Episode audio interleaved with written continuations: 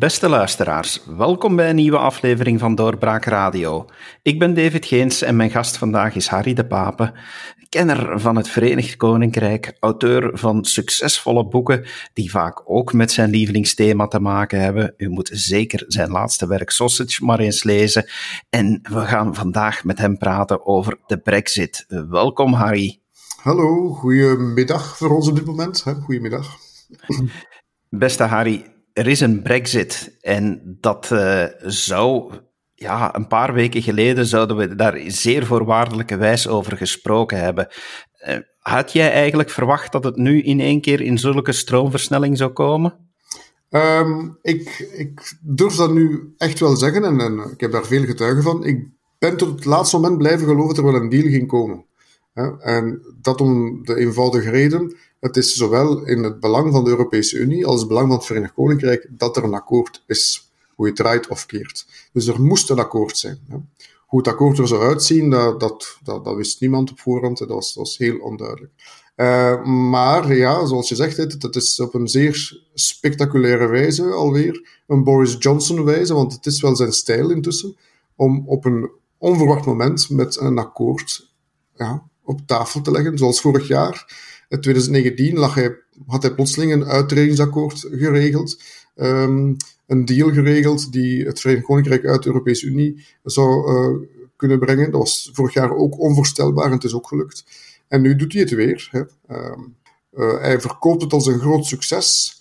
Intussen zijn er al genoeg tegengeluiden die zeggen, ja, het Verenigd Koninkrijk zit toch nog wel voor een groot stuk gebonden aan de Europese Unie. Maar goed, hij is de victor. Hij, is, hij is de overwinnaar. En hij presenteert zich ook zo nu aan de Britse bevolking. En wordt het daar ook zo ervaren? Want dat is natuurlijk, ja, er zal nog heel veel bekend moeten worden over de details van het akkoord. Uh, dus uh, daar kunnen we nu weinig over zeggen. Maar hoe reageert men in, uh, in Engeland zelf? ja, het is heel, als je naar de pers kijkt, vrij traditioneel. De, de rechtse eurosceptische pers onthaalt Boris Johnson nu ook als de grote overwinnaar was, was te verwachten op zich. En daarbij denk ik aan de Daily Telegraph, aan de Daily Mail, uh, de, de, Times zit daar een beetje tussenin.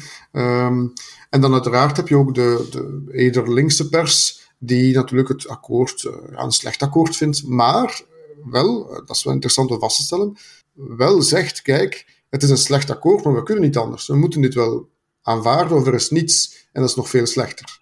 Ja? Dus op het einde van de rit staat Johnson wel in het voordeel.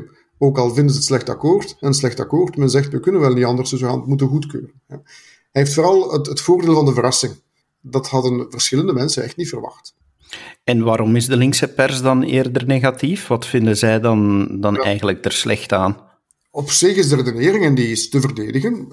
De, de brexit is een heel pijnlijke affaire voor het Verenigd Koninkrijk. Dus wij komen er sowieso slechter uit dan ons lidmaatschap bij de Europese Unie. Dat is de redenering. Dus dit is een slecht akkoord, want we verliezen allerlei voordelen die we hadden. Ja, dat is een, een, grote, een grote protest tegen dit, deze deal. Hè. Maar zoals verschillende commentatoren ook zeggen, ze kunnen wel niet anders, of ze, of hebben geen deal. hè. Dus we, we moeten het wel goedkeuren. Johnson komt als de overwinnaar uh, naar voren, zeg je. Uh, is dat in zijn eigen partij ook zo? Van, heeft, hij, heeft hij nu zijn positie in zijn partij versterkt? Want soms lijkt het bij de Tories toch allemaal wat chaotisch te zijn. Dat is een understatement. Hè? Soms lijkt het allemaal nogal chaotisch te zijn. de Tories zijn kampioenen in chaos de laatste tijd. Hè? Dat is ongelooflijk. Denk aan de Theresa May-jaren. was één grote chaos. En dan heb je Boris Johnson zelf, die gewoon chaos uitademt, als je eerlijk bent. Kijk maar naar zijn kapsel. Um, maar um, hij is nu echt, hij staat echt wel sterk nu. Uh, dus we zijn het moment van opname um, is het dus nu uh, woensdag zeker, dus gisteren, dinsdag, uh, was er een belangrijke vergadering van de uh, harde kern van de eurosceptici binnen de Conservative Party. En daar was het echt willen afwachten. Wat gaan zij besluiten in wat ze de Star Chamber noemen, de, de, de sterrenkamer van de eurosceptische fractie. Um, en daar, na een lange vergadering, heeft men beslist dat dit een goed akkoord is. Men is gaan beginnen uitpluizen in hoeverre garandeert het akkoord de soevereiniteit van het Verenigd Koninkrijk. En op het einde kwam men tot de conclusie, dit volstaat voor ons, dus wij gaan het akkoord goedkeuren. Dat was een heel belangrijke horde uh, voor uh, Boris Johnson in zijn eigen partij. En die horde heeft hij dus genomen. Hij heeft de steun van de hardliners. Denk daarbij aan Jacob Rees-Mogg. Uh, een ander figuur, denk daarbij aan Bill Cash. Bij ons minder bekend, maar dat is echt een man die al van begin jaren 80, hij is een van de langzittende lagerhuisleden, van begin jaren 80 uh, al ja, de eurosceptische trom heeft geluid. En die man zegt nu ook, dit is het, dit moeten we steunen. Nu, eerlijk gezegd, en ik kom terug naar wat ik daar straks zei, ze kunnen ook niet anders. Uh, dit is de brexit. Ja, dit is het of het is niets. Uh, en zij, zij beseffen ook maar al te goed, willen ze electoraal een beetje geloofwaardig overkomen, dan moet men dit wel goedkeuren. Want nu gaan zeggen dat de voorman, Boris Johnson, die hun held was, het niet goed gedaan heeft, dat is gewoon hun eigen imago of hun eigen ruiten ingooien. Dus ze moeten dit wel goedkeuren. Ja, dat was voor een stuk wel te verwachten. Maar goed, het is een belangrijke duw in de rug van Boris Johnson. En op het vlak van Brexit heeft hij echt wel de partij achter zich. Uh, Covid en al die zaken, dat is weer iets anders. Maar dat is een heel ander thema, een heel ander debat. Hoe zit het dan bij de oppositie? Want zij gingen het akkoord nu blijkbaar toch ook gaan goedkeuren. Wel, uh, de oppositie zit, zit, enorm in de knoop met zichzelf. Ik ga meteen uh, kijken naar de, de, de, belangrijkste oppositiepartij. Ook de, op dit ogenblik de enige kandidaat om ja, de, de Tories te van de macht, de Labour, de Sociaaldemocraten. Die zitten met een groot probleem in die zin hun voorman, Sukje Stame, is ja, jarenlang ook de man geweest die tegen Brexit was, heel duidelijk. En die ook vond dat tot het laatste moment dat er eigenlijk een nieuw referendum zou moeten plaatsvinden om Brexit tegen te houden. Goed, is er allemaal niet van gekomen. En nu zegt Sukje duidelijk, kijk, wij gaan het akkoord goedkeuren. Dat is zeer vervelend voor zijn eigen fractie. Want Labour moet nu stemmen voor een akkoord dat geregeld is door de regering van Boris Johnson. Een man die zij soms letterlijk, letterlijk haten. Hè? De, de, politieke verdeeldheid is daar zeer groot. En er leeft echt wel haat van, tussen figuren en mensen uh, in die partijen. En men haat echt Boris Johnson. Nu moet ze die man gaan steunen. Ja, en dat ligt heel moeilijk. Je krijgt nu al, interessant, en vooral mensen die vroeger belangrijk waren in de partij, in de tijd van uh, Jeremy Corbyn, en die dus nu opzij geschoven zijn, zeggen nu heel openlijk, wij gaan niet voor het akkoord stemmen. En Labour zit dus met een verdeelde fractie over het Brexit-akkoord van een Tory. En waarbij de partijleider van Labour zegt: Ik ga het akkoord steunen van de premier van, waar ik tegen ben. Ja, dat is dus heel moeilijk. En dus op dat vlak hebben de Tories al een punt gescoord, want zij staan verenigd en de oppositiepartij maakt ruzie over een Brexit-akkoord. De tweede grootste oppositiepartij uh, in het Verenigd Koninkrijk is de SNP, de Schotse nationalisten. Die hebben een enorme bocht gemaakt. Dat was een partij die van, vanaf dag één dat de brexit werd gestemd, tot, laten we zeggen, uh, ja, enkele dagen terug, heel duidelijk heeft gezegd, hè, wij zijn tegen brexit. En een no-deal moeten we ten alle tijden vermijden. Er, als er dan toch een brexit plaatsvindt, moet dat gebeuren met een akkoord. Tot, tot een week terug waren zij daarvan de luidste schreeuwers. No deal is het slechtste wat er bestaat. Er moet een akkoord komen. Nu is er een akkoord en nu gaan ze er tegen stemmen. Wat dus in de feiten betekent, als je tegen het akkoord stemt, dan stem je eigenlijk voor een no-deal, want er is geen andere optie meer. De Europese Unie heeft duidelijk gezegd, jongens, het is dit of niets, of no-deal. En nu, nu gaat de S&P tegen een deal stemmen en daarmee zegt men, we gaan voor een no-deal. Hoewel ze dat op zich niet zeggen. Ik had, sorry dat ik het zo complex maak, want op zich uh, blijft de S&P aan het standpunt, wij zijn tegen de brexit. Schotland heeft nooit voor een brexit gestemd. Dit mag niet gebeuren. Maar we kunnen nu niet anders dan tegen een zeer slecht akkoord stemmen. Het is een principiële kwestie. Dat zorgt wel voor een stuk, uh, ja, voor een groot stuk ongeloofwaardigheid. Hè? Wat wil de S&P nu eigenlijk? Maar in Schotland zelf komt dit nu vooral over als de S&P blijft de grote voorvechter uh, van, voor Schotland die tegen een brexit is. Dat is nu de, het gespin die de S&P nu opbouwt binnen Schotland zelf. En dan heb je nog uh, de volgende partij, Liberal Democrats, een zeer kleine fractie nu, die is ook van meet af aan tegen Brexit geweest, zal ook tegen dit akkoord stemmen, wat ook op zich ja, vreemd is, want ook die partij heeft altijd gezegd, er moet een deal zijn, er is nu een deal, ze gaan tegenstemmen. En ook de DUP, dus de, de Noord-Ierse uh, radicalen, zal ik maar zeggen, die tot voor kort de fractie, uh, die tot voor kort samenwerkte met de conservatives in de regering van Theresa May, die gaan ook tegenstemmen, want zij vinden dat er te veel toegevingen zijn gedaan op het vlak van uh, ja, de Ierse kwestie. De, de DUP is, is een radicale Noord-Ierse protestantse partij. En ze vinden dat er veel toegevingen gedaan zijn tegenover de Europese Unie over Noord-Ierland. Ze gaan verder dan uh, Boris Johnson. En eigenlijk, gek genoeg, de DUP, uh, die goed beseft dat no-deal een ramp zal zijn voor Noord-Ierland, ziet dan nog liever een no-deal dan deze deal. Maar goed, nogmaals, de DUP is wel zeer radicaal en kan soms vreemd uit de hoek komen. Leeft er in Engeland de overtuiging dat er nu echt veel gaat veranderen, nu ze helemaal uit de EU gaan? En, uh, of heeft men zoiets van, och, het valt, is iedereen eigenlijk in de straat tevreden, omdat, ja, we gaan er wel uit, maar toch ook weer niet helemaal? Eerlijk gezegd, ik heb vooral de indruk dat dit nu een, iets is van de politieke wereld. De doodgewone Brit is er echt niet meer mee bezig dit is niet meer prioriteit nummer één, Brexit. Uh, de YouGov bracht een, poll uit over dit akkoord. Uh, is het een goed akkoord of slecht akkoord? En als ik me niet vergis, de meerderheid van de mensen zegt gewoon don't know. Omdat eerlijk gezegd ook niet veel meer kan schelen. Brexit is een discussie van 2016 voor vele mensen. Dit is voorbij. Het grootste probleem voor de bevolking is nu COVID, COVID-19. En daar is men mee bezig. En dat de politieke wereld nog bezig is met Brexit, dat begrijpen zelfs vele mensen niet. Ja. Ik denk dat ook heel veel Britten nog niet zo goed uh, beseffen wat dit allemaal zal gaan betekenen. Uh, vergeet niet, er gaan nu heel wat barrières opgeworpen worden. Uh, ook het reizen zal niet meer zo makkelijk gebeuren. En ik, ik heb de indruk dat, dat, er heel wat mensen nog niet goed doorhebben wat er allemaal te wachten staat. Ehm, en dus het is niet prioriteit nummer één op dit moment. Gek genoeg, hè? Want als er nu één thema is geweest waar wij over gesproken hebben, als het over het Verenigd Koninkrijk gaat, is de Brexit. En ja, die, dat virus heeft op dat vlak alles naar de achtergrond geduwd. En ik vermoed, want nog bijvoorbeeld rond de financiële wereld moet nog een heel akkoord opgebouwd worden. Dus de Londen, zal ik maar zeggen, moet nog een heel akkoord krijgen eigenlijk. Dat zal voorbij 2021, uh, eh, in 2021 moeten bedisseld worden. Dat zal waarschijnlijk ergens achteraan de pagina's van de kranten verschijnen, want dit is niet meer topnieuws. Het is voorbij op dat vlak, gek genoeg. Um, dus ja, mijn aanvoelen is, en ook de mensen die ik spreek, uh, digitaal dan spreek, vooral duidelijkheid, dat is niet meer hun grootste bezorgdheid.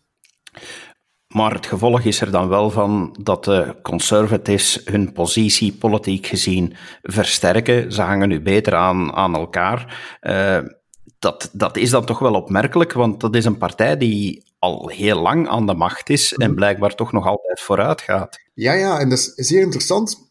Het is misschien heel raar om te zeggen, maar dit is een van de meest succesvolle partijen van West-Europa op dit moment. Hè. In 2010 ehm, komt David Cameron met een coalitieregering aan de macht. Hij heeft een coalitie nodig met de Liberaal-Democraten en hij heeft 32% van de kiezers achter zich. 2019 komt Boris Johnson aan de macht met een volstrekte meerderheid en heeft 42% van de kiezers achter zich. En intussen tijd is Brexit gebeurd. Intussen is het Schotse referendum plaatsgevonden. En intussen tijd heb je heel die ruzie rond Theresa May gehad. En toch scoort de partij 10% meer dan in 2010. Dat is ongelooflijk eigenlijk. Um, op dit ook interessant om te weten, op dit ogenblik liggen er uh, ontwerpen op tafel in het lagerhuis uh, om een kieshervorming uh, te doen. Een kieshervorming die trouwens traditioneel plaatsvindt. Dat is niet zoiets bedacht door Boris Johnson. Dat is al iets, om zoveel jaren wordt dat, worden de cijfers van de bevolking geteld en gaat men aan de hand daarvan uh, de kiesdistricten aanpassen. Wel, die papieren liggen terug op tafel. En wat er nu op tafel ligt, zou de Tories zelfs nog tien extra zetels kunnen opleveren. Dus als er weer verkiezingen aankomen, zal het voor Labour nog eens extra moeilijk zijn om een verkiezingenoverwinning te behalen. En bestaat de kans opnieuw dat de Tories de verkiezingen opnieuw winnen. En dan krijg je dus een, een, een partij die onafgebroken aan de macht zal zitten sinds 2010 en die keer op keer blijft winnen. We kijken op dat vlak vaak naar Duitsland en Angela Merkel en verbazen ons over Angela Merkel.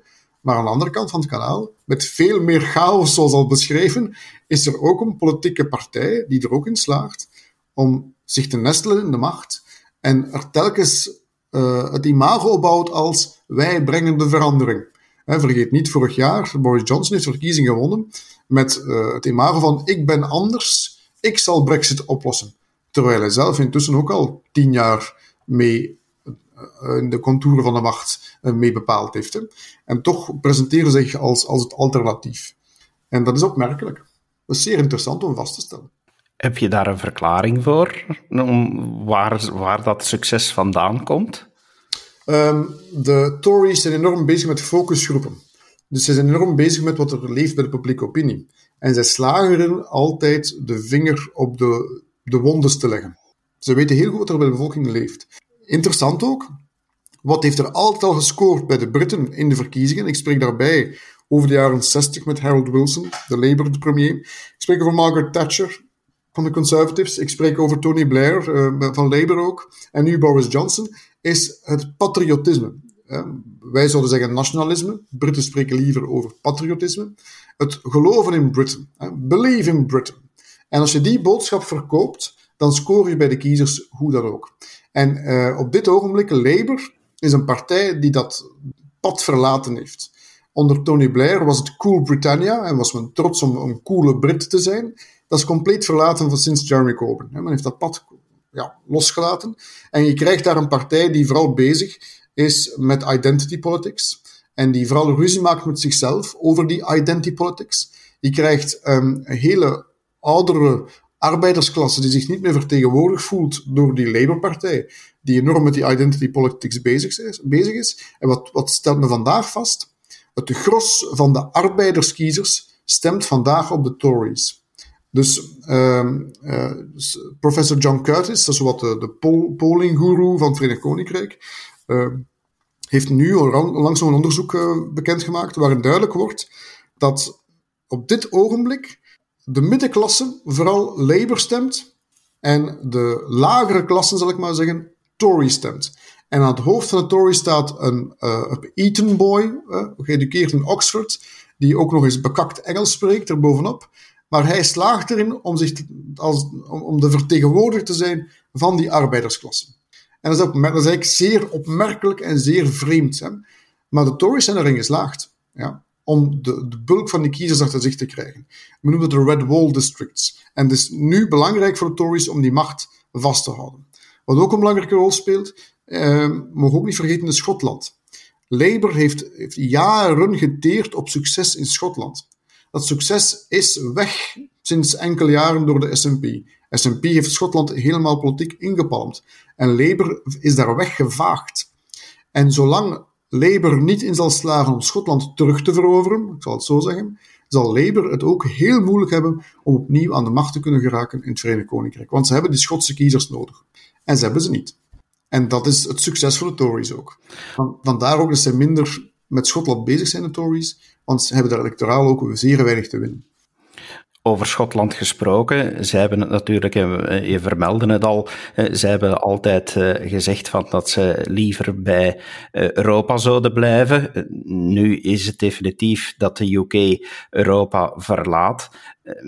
Schotland heeft, en zeker de SNP heeft er eigenlijk altijd aan verbonden, dat men nadien terug zou praten over een onafhankelijkheid. Uh, steken, steken die gevoelens daar nu meteen weer de kop op? Uh, is, is dat iets waar ook alweer over gesproken wordt? Ja, die gevoelens zijn ook nooit weg geweest. Hè. Draait of keert, dat blijft, dat blijft zeer aanwezig. En het is ook heel duidelijk, dat blijkt ook nu uit de houding van de SNP rond het Brexit-akkoord. Doelstelling nummer één is Schots onafhankelijkheid. Ja? En uh, het doel heiligt alle middelen. Dus ze gaan er alles aan doen om, om een nieuw referendum te krijgen, want ze staan sterk op dit ogenblik. Alleen, en dat is een grote maar, ik weet niet of de Europese Unie, stel het allemaal door zou gaan, want de Europese Unie is te wachten op een onafhankelijk Schotland.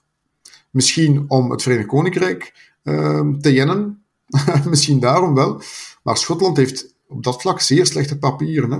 Economisch gezien is dat niet iets waar de Europese Unie op zit te wachten. Men zit niet op een tweede Griekenland te wachten. Hè. Want uh, qua overheidstekort zit de Schotse staatskas aan het niveau van Griekenland. Hè. En ik denk dat we ons op dit moment al genoeg moeten zorgen maken over de economische situatie in de Europese Unie door COVID, dat we nog eens een Griekenland bovenop moeten verwelkomen. Dus ik betwijfel het of van, vanuit de EU er echt wel uh, een verwelkomend gebaar zal zijn. De Schotten zelf, het is heel duidelijk, meer en meer mensen voelen zich niet meer vertegenwoordigd door het Verenigd Koninkrijk. En meer en meer mensen willen loskomen van het Verenigd Koninkrijk. Dus het debat zal nu meer en meer daarover gaan. Er, er verscheen onlangs een zeer interessant artikel in een tijdschrift. Boris solved Brexit. now he needs to save the Union. Ja, nu moeten ze zich beginnen bezighouden met de Unie. Want Schotland wordt het volgende grote probleem. Nou, en dat wordt natuurlijk het vraagteken. Heb je ook zicht hoe men vanuit Europa kijkt naar deze Brexit-deal? Is, is, kan Europa tevreden zijn over deze deal? Nu, alle geluiden die ik daarvan heb opgevangen, uh, zijn de geluiden die ja, heel klassiek zeggen: de Brexit is een slechte zaak. zowel voor de Europese Unie als voor het Verenigd Koninkrijk. Maar dit is een goede deal. Hè. De Europese Unie is vrij tevreden over het resultaat. Als dat zo is, wil dat ook wel zeggen natuurlijk dat voor de Britten niet zo glorieus is dan dat ze zelf willen, willen voorstellen. Want de Europese Unie is vrij tevreden over het akkoord. Omdat de Britten natuurlijk nog voor veel wat zaken nog gaan vasthangen aan, op economisch vlak vooral dan, regeltjes die de Europese Unie oplegt. En de Britten moeten daaraan ja, aan voldoen ook. Uh, interessant ook, als ik me niet vergis, kan, je, kan de deal ook uh, elke vier jaar herbekeken worden. Dus de Europese Unie heeft ook nog een stok achter de deur. Vooral duidelijkheid, de Britten hebben die stok ook achter de deur. Hè. Uh, maar ik heb de indruk dat de Europese Unie wel op zich, ondanks alles, wel tevreden is. Misschien nog uh, als laatste vraag, een belangrijke vraag voor uh, een deel van onze luisteraars. Gaan we nog kunnen shoppen in Londen? ja, hè. eens COVID voorbij is, Stel, stel, stel, David, dat wij in een covid-vrije wereld zullen leven, dan kunnen we sowieso al vrij, ons vrij verplaatsen tot en met 1 oktober. Tot en met 1 oktober heb je geen paspoort nodig. Dus kan je gewoon naar het Verenigd Koninkrijk gaan. Vanaf 1 oktober heb je een paspoort nodig. Uh, en dan ga je met je paspoort kunnen gaan shoppen. Dus dat is geen enkel probleem. ik ga het sowieso nog doen. Dus. Maar geen, geen visumplichten en zo. Nee, nee, het is eigenlijk, ja, dat je gaat, daar gaat voor arbeidsredenen of, of langer verblijf. Dat is iets anders. Maar op zich ga je het land kunnen bezoeken alsof je ja, enig ander land buiten de Europese Unie gaat bezoeken. Hè. Komt daarop neer. Dat is wat zij wilden. Hè. Ze wilden een land zijn buiten de Europese Unie. Wel, dat wordt nu zo in de feiten. Okay. Harry de Pape, dankjewel voor je uh, boeiende inzichten in wat er leeft in de UK. Uh, eh, dankjewel daarvoor. Graag gedaan. En uw beste luisteraar, dank u wel dat u geluisterd hebt. Hopelijk heeft u wat bijgeleerd over de Brexit en wat er leeft in de Engelse politiek. Uh, we heten u natuurlijk ook graag opnieuw welkom bij een volgende podcast. Snuister zeker eens door ons archief en laat wat commentaren na. En u kan natuurlijk ook altijd reageren. Dat vinden wij ook heel fijn om van onze luisteraars te horen. Stuur ons dus gerust een mailtje op podcast.doorbraak.be als u vragen of suggesties heeft. Dank u wel en tot een volgende keer. Dag. Dit was een episode van Doorbraak Radio, de podcast van doorbraak.be. Volg onze podcast op doorbraak.be/radio of via Apple Podcasts, Overcast of Spotify. Bezoek ook onze website op doorbraak.be en steun ons door een vriend te worden van Doorbraak.